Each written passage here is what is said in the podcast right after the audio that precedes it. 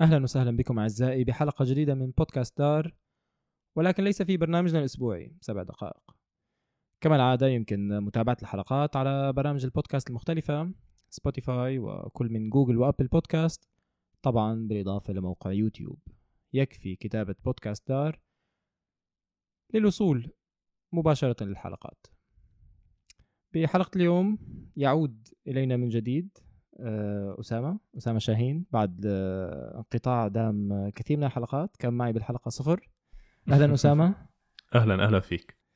آه، حلقة اليوم مثل مو باين بالعنوان هي عن الانتخابات انتخابات البلدية يلي راح تكون ب 11 سبتمبر اليوم الأساسي ولكن ممكن الانتخاب بأي يوم من الأيام السابقة لليوم الانتخابي. نحن اليوم عم نسجل الحلقة فعليا يا بقيان ست أيام للانتخابات. أه بال بنفس الموضوع كان في عدد لدار عن الانتخابات. فيك تحكي لنا شوي عنه أسامة؟ أه مساء الخير أشهام ومساء الخير لكل المستمعين حاليا سواء كنتم عم تسمعونا في يوم الانتخابات أو في الأيام اللي بتسبقوا. مثل ما قال أشهام نحن عم نسجل الحلقة بيوم الثلاثاء 5 أه سبتمبر أيلول. عدد دار الجديد هو تمحور حول موضوع الانتخابات ولكن بشكل شوي مختلف عن العدد على سبيل المثال اللي عملناه بعام 2021 بأغسطس اللي كان بتمحور حول الانتخابات البرلمانية. الاختلاف الأساسي إنه هون حاولنا ما نروح كتير بالسياسات تبع الأحزاب وبرنامجها الانتخابي بقدر ما إنه المحاولة كانت إنه نروح بجولة تاريخية في الانتخابات البر... الانتخابات في النرويج حق الانتخاب. خصوصا بالمقال الأول آه، بناخذ جدول زمني من عام 1814 كيف حصل حق الانتخاب في النرويج؟ ومين اللي كان بحق له الانتخاب؟ وكيف بعدين تطور هذا الحق لشمل جميع الرجال؟ وفيما بعد النساء وفيما بعد المهاجرين. أو الأجانب ليس المهاجرين الأجانب. بعدين بناخذ مقالات بتتحدث عن موضوع الديمقراطية كيف تم بناء الديمقراطية؟ هل هي مطلقة في النرويج؟ مع أمثلة من البرلمان وإسقاطها على الكومونات والبلديات المختلفة. أه، بنفس المقال في أه، تفاصيل كثيرة عن موضوع طريقة حكم المدن أو البلديات في النرويج لأنه في طريقتين مختلفتين برغن وأوسلو بيتبعوا طريق ال parlamentarisme بينما باقي البلديات بتتبع نظرية أو طريقة ال formannskap. فبنحاول نوضحهم وهلأ رح نحاول نوضحهم أكثر بهذا البودكاست. طبعا ومقالات عديدة بتمحور حول مقابلات شخصية مع سياسيين نرويجيين أو آه، المشاركات آه، أو نتائج الانتخابات في العام 2019 مع نظرة مفصلة حول أوسلو وبرغن وباقي المدن مثل كريستيان ساند وترومسا وترونديام. لمين صوتت العالم بهي المدن؟ بأوسلو وبرغن بنكون أكثر تفصيل بأنه بنتناول أحياء معينة. مين صوت آه، الأفراد أو السكان في جملة اوسلو على سبيل المثال أو جرونا لوكا أو بحي فروغنر اللي هو معروف بأنه حي للأغنياء بيض البشر النرويجيين. آه، فكمان نفس الشيء عملنا إسقاط مماثل ببرغن. المقال الأخير تناول موضوع الميديا يعني موضوع مختلف هو موضوع ديمقراطي بشكل مختلف عن موضوع الانتخاب. تناول موضوع الميديا بطريقة كيف بتكتب الميديا في النرويج شو هي أنواع المقالات الموجودة كيف الواحد بحق له يعترض على شيء كاتبته الميديا كيف الميديا في النرويج هي حرة بنفس الوقت مضبوطة يعني كيف فينا نضبط شيء حر بشكل مطلق. فكل هذا حاولنا ناخده بالمقال الأخير اللي هو جاي مثل ملحق للعدد جميل جميل. أنا بحب أعترف آه، باني أنا لسه ما قرأت العدد. ممتاز. فأنا شخصيا كتير آه، هيك متشوق إني أسمع الحكي اللي رح نحكي عنه بهي الحلقة. صوتت لما لسه؟ آه لسه. آه أنا بحب آخذ السسبنس بآخر يوم اللي هو يوم الاثنين. هلأ المشكلة إنه أنا مسافر على برلين زور والدتي يوم الخميس وراجع الأحد. فالله يسر ما تتعطل الطيارة الاحد ويروح علينا التصويت. تمام تمام. موضوع آه خلينا نشوف. هلا عم نشوف بس ال- المقال الأول اللي حكيت عنه الخط الزمني والتواريخ من 1814 وأنت عم تتحرك بعدين. في شي تواريخ محددة حابب تحكي عنها ولا شو اللي. عم تفكر فيه؟ هلا المقال هو مستند على مقابلة مع إيرين لارسن وهي أستاذة بالتاريخ بجامعة أوسلو أه، سمعت أنا لإيرين لارسن بالصدفة ببودكاست على إن اركو. فكانت عم تحكي عن أه، حق التصويت في النرويج والتشابه بينه والتشابه والاختلاف بينه وحق التصويت في دول الشمال الثانية التفاصيل اللي حكتها حسيت إنه كتير ممتع ناخد آه، مقابلة معه وندرجها بدار عن حق التصويت آه، في في النرويج وكيف تطور من عام 1814 لأنه هو على الأغلب يعني معلومات الكل عن هذا الموضوع مثل معلومات اللي هي جاي من samfunnskunnskap والشغلات اللي. أخذناها بال introduction program اللي هي بتتمحور حول okay 1814 حق التصويت للرجال 1913 حق التصويت للنساء. وما ما في غير آه، ما في غير هدول التفصيلين. الممتع بهذا المقال إنه أول شيء هي بتحكي عن 1814 بأنه هو عام غير شكل النرويج طبعا. رئيس الوزراء لكن النرويج ضلت تابعة للسويد بعد ما أو مو ضلت تابعة بس إنه هي تم منحها كهديه من الدنمارك للسويد هدية حربية. السويد نقلت العاصمة لأوسلو لأنه هي بدها مدينة قريبة منها. فكان رئيس الوزراء النرويجي على سبيل المثال مقيم آه، بستوكهولم. آه، هون بهذا الوقت تم حق آه، التصويت من حق التصويت ولكن لم يتم منحه لكل الرجال. ال- الغريب بالموضوع إنه تم منحه لثلاث فئات من الرجال وهي. الأولى هي الموظفين الحكوميين أو ما يسمى بالامبيدزمان الثاني هو كان مواطني المدن اللي عندهم حق التجارة في المدن والأرياف والثالث هم المزارعين يلي عندهم أراضيهم الخاصة. okay. فبهذا ال... هدول الثلاث فئات شكلوا بهداك الوقت 6% من مجموع سكان النرويج okay. وفقط 40% من ذكور النرويج. يعني نحن في ال 1814 هو لم يتم حق التصويت لل... منح حق التصويت للذكور ولكن منح حق التصويت ل 40% من الذكور تمام. و60 و6% فقط من الشعب النرويجي مم. اللي قام بالتصويت بهداك الوقت هو كان 3% مم. آه، من مجموع سكان النرويج يا. يعني 50% من اللي كان 50%. بحق لهم حق التصويت صوتوا وهو ما يشكل 3% من سكان النرويج ففينا هون نشوف إنه موضوع الديمقراطية والتصويت كان موضوع جدا جديد حصري لكتير آه، أشخاص خاصين. طبعا هون نحن لازم نتذكر إنه النرويج ما كان فيها أحزاب سياسية بهذاك الوقت فهو الموضوع عفوي بيتم بشكل كنسي أو بيتم بشكل طبعا ما في لحد الآن انتخابات بلدية نحن هون عم نحكي عن انتخابات برلمانية. آه تمام أوكي. كان آه،. مم. لأنه الانتخابات البرلمانية بلشت هذاك الوقت ولكن الانتخابات البلدية بلشت بال 1837 يعني في وقت لاحق. لأنه البلدية كان لسه ما عندها هذا الاعتبار المهم يعني إنه ليش يكون عندنا انتخابات بلدية؟ شو المهم؟ بأنه كل بلدية يكون لها حكومة خاصة. طالما في عندنا قس أو شخص كبير غني هو بيقدر يقود هذا المكان. الممتع بهذا الموضوع إنه هي بتقول إنه بال 1830 وال 1840 بلشت تولد طبقات اجتماعية جديدة في النرويج. سببه كان الانفتاح الاقتصادي آه، والسماح يعني تم تحرير الاقتصاد والأعمال. وهون فينا نقول إنه النرويج إذا بدنا ناخذ مثال على سبيل المثال سوريا مثال أغلبنا بيعرفه. فهو إنك تكون غني لازم تكون غني بالأساس. يعني لازم تكون خلقان غني لعائلة غنية. يعني تصير غني فيما بعد بسوريا بعد ما تخلق هو يا عليك شبهات إنك أنت عملت شيء مخالف للقانون أو صارت صدفة غريبة بحياتك. بس هو عمليا الغني بضل غني والفقير بضل فقير في مجتمع. في النرويج في ال 1840 هي بتقول إنه النرويج تغيرت فتح الاقتصاد بطريقة إنه أنت ممكن تولد فقير بس أنت بعد عمر ال 25 أو 30 ممكن أنت تصير غني. بسبب الانفتاح الاقتصادي اللي صار بهداك الوقت.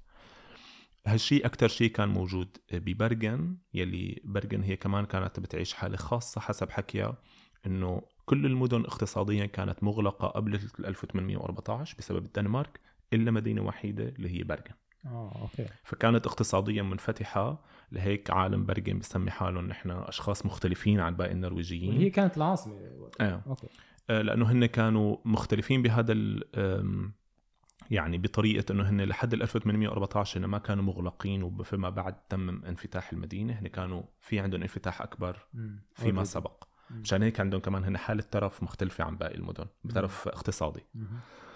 آه فهي هون بتقول إنه الحالة هي إنه صار يعني نحن كان عندنا طبقة أغنياء وطبقة فقراء. الانفتاح الاقتصادي سبب إنه نحن عندنا طبقة الفقراء عم بتقل صارت طبقة وسطى بس بنفس الوقت طبقة الأغنياء صارت تقل. كمان صارت تروح للطبقة الوسطى. يعني نحن قل عنا عدد الأغنياء وقل عدد الفقراء وعم بيزيد عدد الوسطى. الطبقة الوسطى أو تعداد الطبقة الوسطى بالمجتمع. وهذا الشيء شو سبب عنا؟ سبب شيء اسمه كساد اقتصادي. يعني نحن مثل ما قلنا أول الحلقة أنه كان حق التصويت بيشمل 6% فقط من الشعب النرويجي بشكله اللي كان بال 1814 بس نحن هون عم نحكي بال 1850 صار عندنا حتى أقل من 6% وأقل من 5% لأنه طبقة الأغنياء عم بتقل. عم تقل فصار عندنا آه، كساد اقتصادي انفتاح البلد بهداك الوقت وانفتاحها اقتصاديا عزز فكرة إنه لازم يكون في شيء اسمه أحزاب سياسية. وهون بالثمانينات من الثمانينات من القرن التاسع عشر يعني 1880 هي وصفته بالعقد الأهم بالحياة السياسية في تاريخ النرويج. لأنه تأسس حزبين آه، أول حزبين في النرويج اللي هن الفنسترا والهيرا أول حزب هو حزب الفنسترا وثاني حزب هو حزب الهيرا يعني حزب اليسار وحزب اليمين.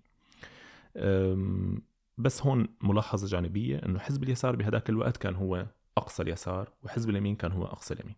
بس فيما بعد مع ولادة الأحزاب الجديدة صار عندنا حزب اليسار الحالي اللي هو لساته اسمه فنسترا هو يعتبر borgerlig بالجهة اليمينية. نعم. بس هو دائما بصير خربطة لأنه هو اسمه حزب اليسار بس هو ما عاد يساري مثل ما كان بال 1880 أحد أهم الشغلات اللي بحكيها لرفقاتي اللي مو عايشين بالنرويج إنه الوضع هون شوي مخربط إنه حزب اليسار هو يميني يعني ف... صحيح.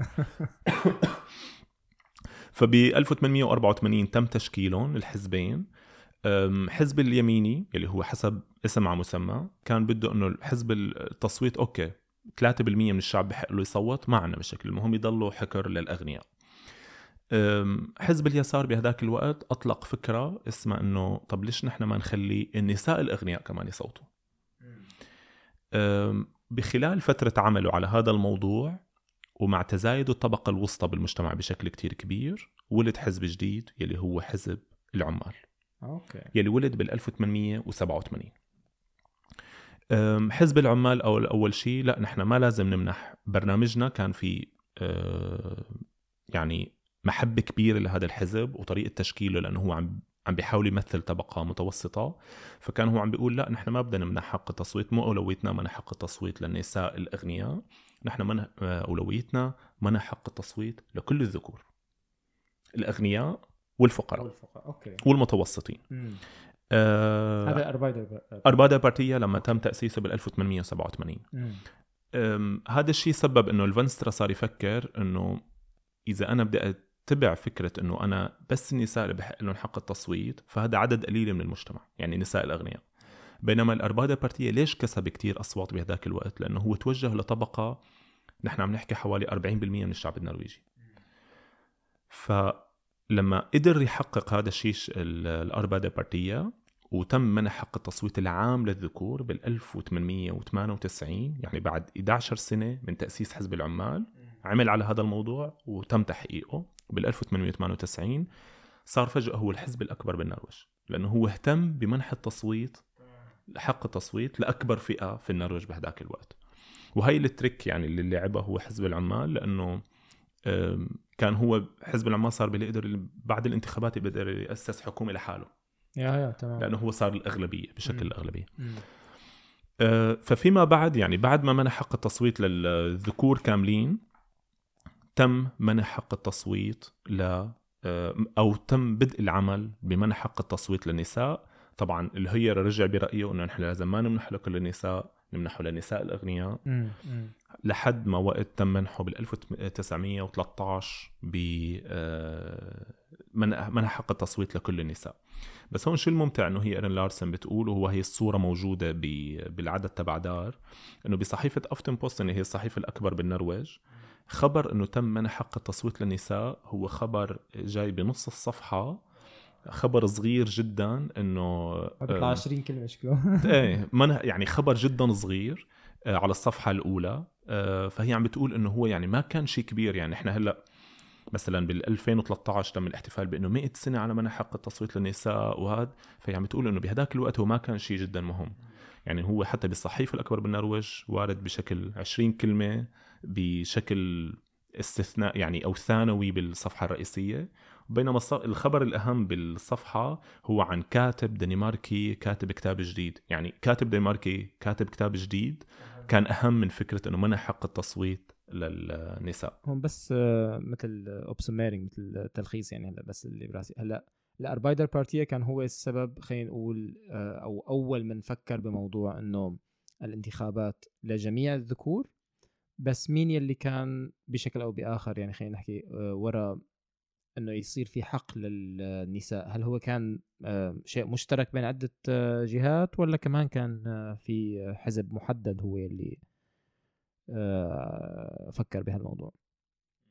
كانوا أنت ذكرت إنه ال Høyre كان لساته مصر إنه okay إذا بدنا نعطي للنساء فهو بس للنساء الأغنياء. إيه. وتم منحه لحق التصويت للنساء الأغنياء بال 1910 آه okay هو بلش بالنساء الاغنياء وبعدين تم تطويره بال 1913 لحتى يشمل كل النساء. تمام. بس هو شو يعني الغرابة بالموضوع إنه لما نحن عم نقول حق التصويت مثلا لشخص بال 1814 إنه حق التصويت لشخص بيملك أرض خاصة. فهو هون مثلا خلينا نقول آه، أولاف يلي يسكن في مدينة ترومسا. فهو إذا بده يمنح ابن عمه يلي ما عنده أرض يمنحه حق التصويت مشان يعمل ايديولوجيا خاصة فيه أو سياسة خاصة فيه فهو بسمي أرض على اسمه. فهذاك الشخص بصير عنده يعني كان هو شيء يشترى بس ما له شيء يمنح حق التصويت.